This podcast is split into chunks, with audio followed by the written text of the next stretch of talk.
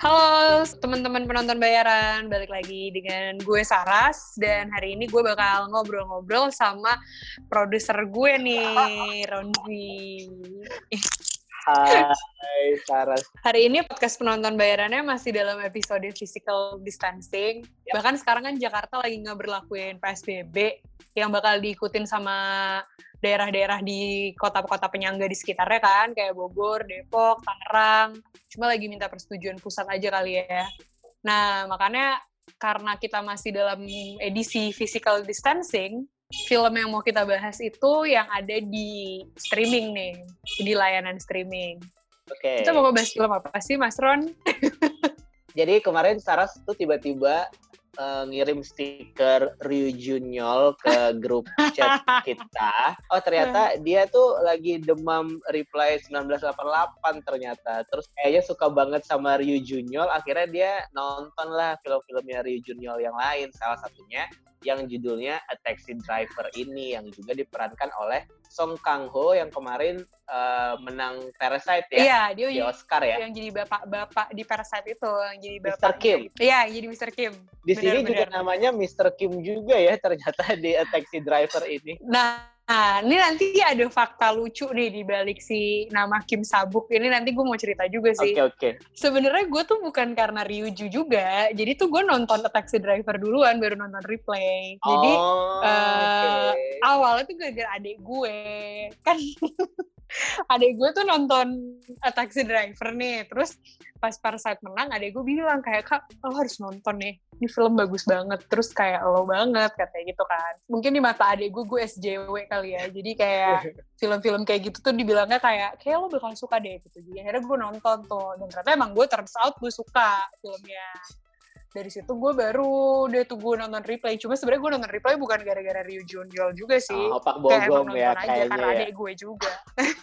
Jadi untuk latar singkatnya ya Taxi Driver ini film yang diangkat dari kisah nyata dari kejadian di Guangzhou di tahun 1980 waktu itu tuh ada demonstrasi mahasiswa dan pemberontakan sipil rakyat Guangzhou ngelawan eh, ibaratnya pemerintahan Korea yang di backing sama tentara. Nah, tapi pada saat itu tuh pemerintahnya tuh sangat amat ngambil alih kendali. Bahkan pemberitaan di media pun akhirnya eh, nggak ada tuh peristiwa Guangzhou di pemberitaan di media tuh nggak berimbang gitu berpihak kepada pemerintah dan berita-berita yang dihasilkan itu bukan berita-berita yang sesuai kenyataan di mana kayak banyak terjadi kekejaman di peristiwa Guangzhou itu. Ada salah satu eh, wartawan asing, dia reporter televisi Jerman namanya eh, ADZ. Eh, waktu itu dia berkantor di Tokyo, namanya Jurgen Hitzpeter. Nah, si Jurgen Hitzpeter ini akhirnya pergi ke Guangzhou untuk menginvestigasi peristiwa Guangzhou itu. Dan akhirnya dia menjadi salah satu dokumentasi yang merekam gimana sih sebenarnya apa sih yang sebenarnya terjadi di Guangzhou tahun 1980 itu gitu cerita singkatnya. Gimana gimana Mas Ron? Iya, jadi gue kebetulan kan emang ngeh sama peristiwanya, tapi tuh sebenarnya nggak terlalu tahu detailnya tuh kayak Hmm. apa. Dan gue sama sekali nggak tahu sih sebenarnya film ini anehnya. Gue nggak tahu kenapa. Gue nggak tahu sama film ini. Jadi ketika lu bilang A Taxi Driver gue kayak nggak nggak langsung nangkep ke situ gitu. Bahkan gue nggak tahu kalau ada Ryu Junyol atau eh, Song Kang Ho yang main gitu. Dan ketika Mhm. gue nonton awalnya sih gue kayak apa ya merasa wah ini pasti filmnya bakalan berat dan ngebosenin nih karena Mhm. akan ada hal-hal yang kayak serius seperti politik dan segala macam gitu kan which is ya kayak not my cup of tea gitu. Karena gue paling gak suka deh nonton film yang terlalu banyak dialog dan dan film yang terlalu serius gitu gue agak nggak suka gitu nontonnya. Tapi ketika film ini mulai dan sampai di kita dikenalin sama si Mr. Kim terus si Hmm, hmm. Peter gitu gue makin makin kayak penasaran gitu ini sebenarnya konfliknya itu apa ya gitu. Konfliknya itu apa ya maksudnya? Karena di awal tuh kan kayaknya menyenangkan banget ya. Lo nggak tau gak sih kayak kayak lagi nonton Green Book tau gak sih? Iya, iya, persahabatan iya, antara sopir dan majikan gitu kan. Nah gue tuh awalnya tuh gue kira nih bakal kayak Green Book gitu yang kayak oh mereka bakalan ke bakalan bakalan Jadi ada di, di taksi, gitu. uh, uh, bakal jadi sahabatan. Tapi gue tuh nggak nggak nyangka kalau ternyata konflik persah yang membuat mereka bersahabat itu bakalan sekompleks se itu, sekompleks itu, semest up itu, dan ini tuh udah kayak bener-bener apa ya bener-bener di, di antara hidup dan mati banget gitu. Kalau Green Book kan mungkin kita beneran kayak ya udah chill aja kita masih bisa uh, nontonnya sambil santai walaupun mungkin misalnya tetap ngutuk-ngutuk juga sih kayak anjir ternyata orang rasis sih sampai segitunya ya kalau nonton Green Book kan gitu kan. Kalau nonton ini tuh gue tuh kayak nungguin sebenarnya jadi apa nih yang membuat mereka jadi bersatu sebenarnya apa gitu dan barulah eh, setengah jam dari setelah itu baru ketahuan oh ternyata ada kerusuhan di Guangzhou dan ini wartawan emang pengen banget untuk uh, apa dapat berita gitu dan dan dapat gambaran nyata apa sih sebenarnya yang terjadi di situ walaupun di awal-awal kan kadang kita kita kan bisa lihat kalau misalnya si Mr. Kimnya sendiri itu kayak masih agak-agak enggan buat istilahnya dia masih masih pengen nyelamatin diri diri sendiri lah gitu. Karena dia sendiri bukan orang situ gitu kan. Terus juga tujuannya emang buat nyari duit. Tapi tiba-tiba dia dihadapkan dalam situasi yang emang wah anjir lagi demonstrasi lagi rusuh dan dia juga lebih milih buat nyelamatin diri sendiri dong daripada dia buat nyelamatin orang. Tapi di saat yang sama dia dikasih lihat bahwa ternyata di tengah kerusuhan itu pun ada loh orang-orang yang nggak mikirin dirinya sendiri. Jadi dia tuh kayak berkonflik juga kan sama dirinya yang kayak masa sih gue harus egois uh, cuman buat ngejar uh, kemauan dan keinginan gue doang. Sementara di sini orang tuh bertaruh hidup bertaruh nyawa bahkan buat saling nyelamatin satu sama lain gitu. Itu sih yang gue tuh kayak jadi wah gitu nontonnya jadinya. Iya dan gue tadi gue lupa ngasih tahu di awal kalau misalnya kenapa judul taxi driver? Itu karena si Jurgen Hispinter ini akhirnya bertualang dalam tanda kutip di Guangzhou uh, bareng sama salah satu supir taksi yang namanya Kim Sabuk yang di di ceritanya itu diceritainnya dia kayak nggak sengaja gitu ya Mas Ron.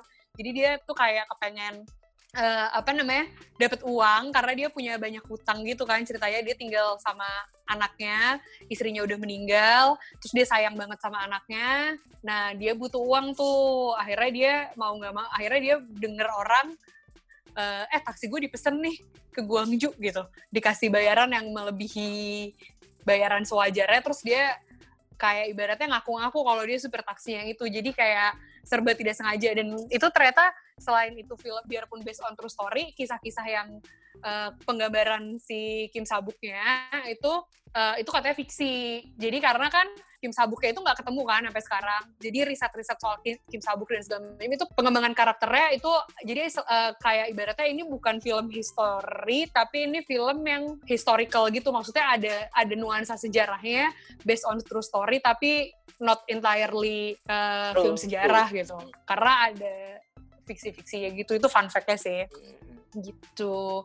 Gue sih suka banget ya. Maksudnya gue tuh tiap kali gue pas nonton film ini asli gue juga sama sih kayak lo gue berpikir ini bakal kayak Green Book hmm. yang kayak orang uh, awalnya nggak sal saling kenal terus antipati satu sama lain akhirnya tiba-tiba uh, terjebak dalam perjalanan di mobil berduaan terus jadi sahabat gitu. Maksudnya which is true tapi ternyata kayak kisah-kisah yang ada di dalam filmnya itu bener kata lo itu membuat kita paham bahwa kayak ada hal lain gitu di balik cuma hubungan si uh, jurnalisnya sama si super taksinya gitu. Kayak gimana kayak oh ternyata tuh kalau ketika orang memperjuangkan sesuatu tuh dia mau ya mengorbankan segala sesuatunya tuh untuk sesuatu yang lebih besar entah itu entah itu tujuan dan harapan dia ya tentang negara atau apa maksudnya Iya kayak misalnya demonstrasi-demonstrasi gitu kan kayak sebenarnya apa yang diperjuangkan kan itu ide bahwa setelah kita selesai berjuang negara bakal jadi lebih baik. Dan itu bukan tentang diri kita sendiri gitu tapi juga tentang orang tentang orang-orang di sekitar yang mungkin nggak ikut nggak ikut dalam perjuangan yang sama gitu. Itu menurut gue konteksnya sangat amat bisa kena juga sih ke konteks kita sekarang gitu. Mm-hmm. Ya itu dia kayak yang gue bilang mungkin kayak kemarin yang pas di episode Ghibli, gue selalu ngerasa kayak setiap kali gue nonton film Asia, gue selalu merasa bisa relate dengan kondisi di Indonesia karena mungkin kita punya konteks histori yang sama, sama-sama dijajah dan segala macam. Sama-sama pernah ngalamin krisis sebagai negara berkembang ya kan. Pada tahun segitu kan mungkin Korea masih jadi negara berkembang gitu, belum semaju sekarang ya kan. Iya sih, gue juga menyoroti karena mungkin nggak tahu sebenarnya ini nggak relate banget sih, tapi kita since kita juga kerja di media gitu ya, jadinya itu kayak ngerasa wah gila kalau zaman itu ketika orang mau liputan kerusuhan tuh seserem itu ya ternyata gitu. Dan dan apa namanya tugas di si Peter ini sebagai seorang wartawan yang lu bayangin ketika lo dapat footage itu tuh lo nggak bisa nggak bisa kirim real time gitu. Lo tuh harus pergi dulu ke negara lain ke tempat yang lebih aman supaya lo tuh bisa nyerahin hasil rekaman lo gitu buat nunjukin bahwa ya inilah keadaan aslinya. Ini gue gue pas nonton ini kayak wah ini kalau Mbak Septi ini jadi bosnya si Peter. Buruan nggak? Bobo iya. Gue sangat merekomendasikan film ini terutama untuk wartawan 20 detik sih. iya, jadi kayak gitu. Gue tuh ngelihatnya, wah gue nggak pernah ditempatkan dalam situasi yang gue harus melaporkan sebuah kejadian yang di antara hidup dan mati gitu loh maksudnya. Dan waktu Tapi, itu, itu belum ada uh, internet dan serba betul, analog pula gitu. Betul dan dan tapi itu tuh terjadi bahkan ketika baru-baru ini Jakarta kerusuhan pun kan itu terjadi kan kayak yeah, uh, yeah. apa namanya perseteruan antara mahasiswa dengan aparat keamanan itu kan pasti di mana-mana terjadi gitu. Apalagi kalau udah urusan sama pemerintah gitu kan pasti demonya itu nggak jauh-jauh deh dari mahasiswa gitu. Jadinya uh, eh, gue ngerasa wah ini film tuh jadi penting gitu. Karena ketika kerusuhan itu terjadi bahkan pemerintah pun bikin berita bohong tentang kondisi keamanan, tentang kondisi negara gitu kan supaya orang-orang tuh tuh nggak tahu kalau ternyata ada kericuhan, ada demonstrasi yang sepenting itu gitu. Ya kan kayak koran semua disensor, iya, terus berita di isinya berita, iya berita-berita yang eh, mendukung pemerintah doang gitu kan. Sementara berita aslinya tuh nggak di, nggak diceritain. Makanya di situlah akhirnya Peter jadi penting karena orang-orang tuh pada bertumpu sama dia kan pada akhirnya. Iya dan karena maksudnya pada saat mungkin karena posisinya Peter sebagai wartawan asing kan jadi kayak pemerintah Korea nggak punya hak untuk ngebredel medianya dia kan. Kalau karena kan pada di di film itu kan diceritain bagaimana media-media lokal tuh udah dibredel semua sama pemerintah Gwangju gitu kan sama, sama pemerintah Korea pada masa itu gitu. Terus gue sih yang kayak wah gila nih film itu tuh pas ini sih bagaimana mereka itu nyelamatin filmnya si Peter. Karena itu semua serba analog kan. Yeah, yeah, kayak yeah, maksudnya yeah. kalau kita nih kalau gue misalnya kayak harus melaporkan gitu kan kayak nge-backupnya gampang tinggal di Google Drive kayak kalau HP gue diambil gitu itu kan udah kayak, ada di cloud udah ada gitu. di, Google, uh, uh, ya, di cloud uh, udah ada. Tapi kalau misalnya zaman dulu nggak ada cloud terus gimana itu orang-orang tentaranya begitu menghalang-halangi biar berita itu tayang tuh itu gokil banget sih gue gak kebayang. Iya benar benar benar beruntung aja lahir di dunia yang serba digital ini. iya, terus gue juga suka sama ini sih sama apa namanya penggambaran bahwa uh, kontras gitu ya, maksudnya Guangzhou kan bukan kota kecil juga kan sebenarnya di Korea Selatan salah satu salah satu kota besar juga tapi ya nggak sebesar Seoul atau Busan gitu tapi uh -huh. itu tuh kayak film ini tuh nunjukin bahwa semua orang tuh turun buat memperjuangkan hak mereka untuk mencapai demokrasi gitu loh biar biar biar nggak nggak mau nih di, di pemerintahannya itu jatuh jadi pemerintahan militer gitu. Dan dan semuanya itu turun tangan untuk untuk melakukan itu gitu. Makanya hmm. perjuangannya itu berasa banget. Terus juga gue tuh ngelihatnya nggak cuman nggak cuman mahasiswa aja nih yang yang bergerak. Orang-orang biasa kayak para sopir taksi pun malah justru berperan penting gitu kan. Balik lagi kita ke, ju ke judulnya nih ke taksi driver. gue gue tuh awalnya tuh nggak awalnya nggak setuju nih judulnya jadi a taxi driver. Karena pada uh, agak bocoran sedikit agak spoiler sedikit di jelang akhir banyak ternyata sopir taksinya gitu. Jadinya harusnya dr taxi drivers harusnya kan plural harusnya bukan bukan singular nih. Itu tuh agak agak agak sedikit kocak tapi juga uh, apa namanya memorable sih adegan ketika mereka balap-balapan di jalan tol tapi taksi ngelawan mobil militer gede gitu kan. Itu iya, iya, itu iya. harukan banget buat gue sih nontonnya. Tuh kayak yang wah dalam waktu kurang dari dua kali 24 jam tuh rasa rasa kebersamaan kita sebagai manusia dan warga negara untuk memperjuangkan istilahnya kemerdekaan lah ya dalam tanda kutip gitu tuh benar-benar bisa connect banget gitu. Maksudnya beberapa kali Indonesia juga mengalami hal-hal kayak gitu ya, kayak misalnya di tahun 65 atau di peristiwa 98 gitu pas reformasi, itu kan kayak ya pada pas tahun 98 kan juga ada pemberedelan media salah satu media kita juga ikut ke kena beredel kan pas tahun 97 iya. tuh hal-hal kayak gitu tuh gue sih ngerasa mungkin kayak gue bisa relate karena ya maksudnya variation balik lagi kayak kemarin gue nge-review yeah. Ghibli ya kayak maksudnya film-film Asia tuh punya satu garis sejarah yang sama sama-sama dijajah sama-sama negara berkembang sama-sama nggak pernah jadi sentris dunia kan karena selama ini dunia selalu eurocentris kan. Konteksnya tuh beda tapi sama gitu. Dan yang paling gue suka dari film-film yang based on true story ini sebenarnya ketika di ending sebelum kredit itu kan selalu ada informasi ke mana karakter apa orang yang aslinya kan. Hmm. terus kemudian ditam ditampilin lah orang yang aslinya itu ngomong gitu. Itu sih menurut gue tuh kayak makin merasa dekat gitu loh sama karakternya dan ketika uh, karakter ini dimunculkan versi aslinya gitu di di di layar di film gitu dan gue tuh jadi kayak wah gue nggak kebayang sih cuy jadi si Jurgen Hispet Hispiter ini gitu iya, karena bener, bener, ada dan dan ketika dia diwawancara itu kan emang udah kayak di akhir-akhir dia menjelang dia meninggal gitu kan jadi kayak wah anjir ternyata emang ada ya orangnya gitu loh. Dan itu juga yang gue rasakan ketika gue nonton Suli Hmm. Jadi kan di akhir tuh uh, Suli sama istrinya dipertemukan sama uh, survivor pesawatnya kan, ha. yang udah yang udah kemudian udah tua-tua. Itu tuh gue anjir merinding banget ya.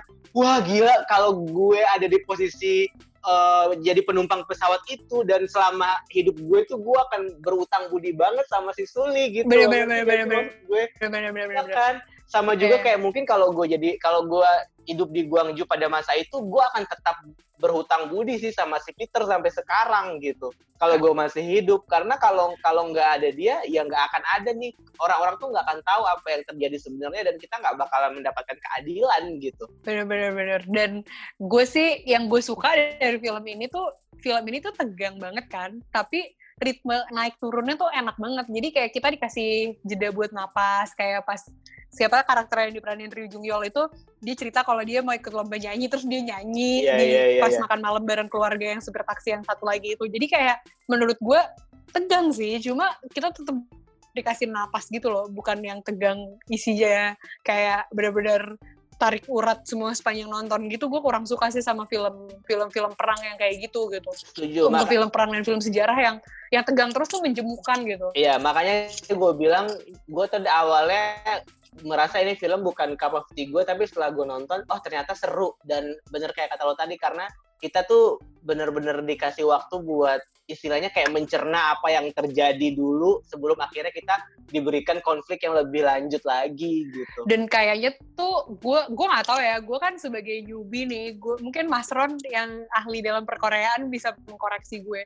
Tapi kayak ada satu pola yang sepanjang gue nonton beberapa film Korea yang masih sedikit itu, gue kayak melihat bahwa kayaknya tuh kekerabatan itu uh, adalah kekerabatan dan kekeluargaan itu adalah hal penting di beberapa negara di, di bagian yang dianggap timur gitu termasuk Korea gitu. Karena uh, biarpun isunya sejarah tapi kayak tetap ada sisi-sisi emosional yang ketika kita dia nampilin keluarganya Kim terus dia nampilin keluarga yang tokoh yang diperanin sama Ryu Jung Yeol jadi maksud gue ada beberapa hal-hal emosional yang ujungnya tuh keluarga gitu di film itu. Sama kayak ketika gue nonton Parasite gitu atau ketika gue nonton replay gitu kan kayak maksudnya tentang keluarga juga gitu.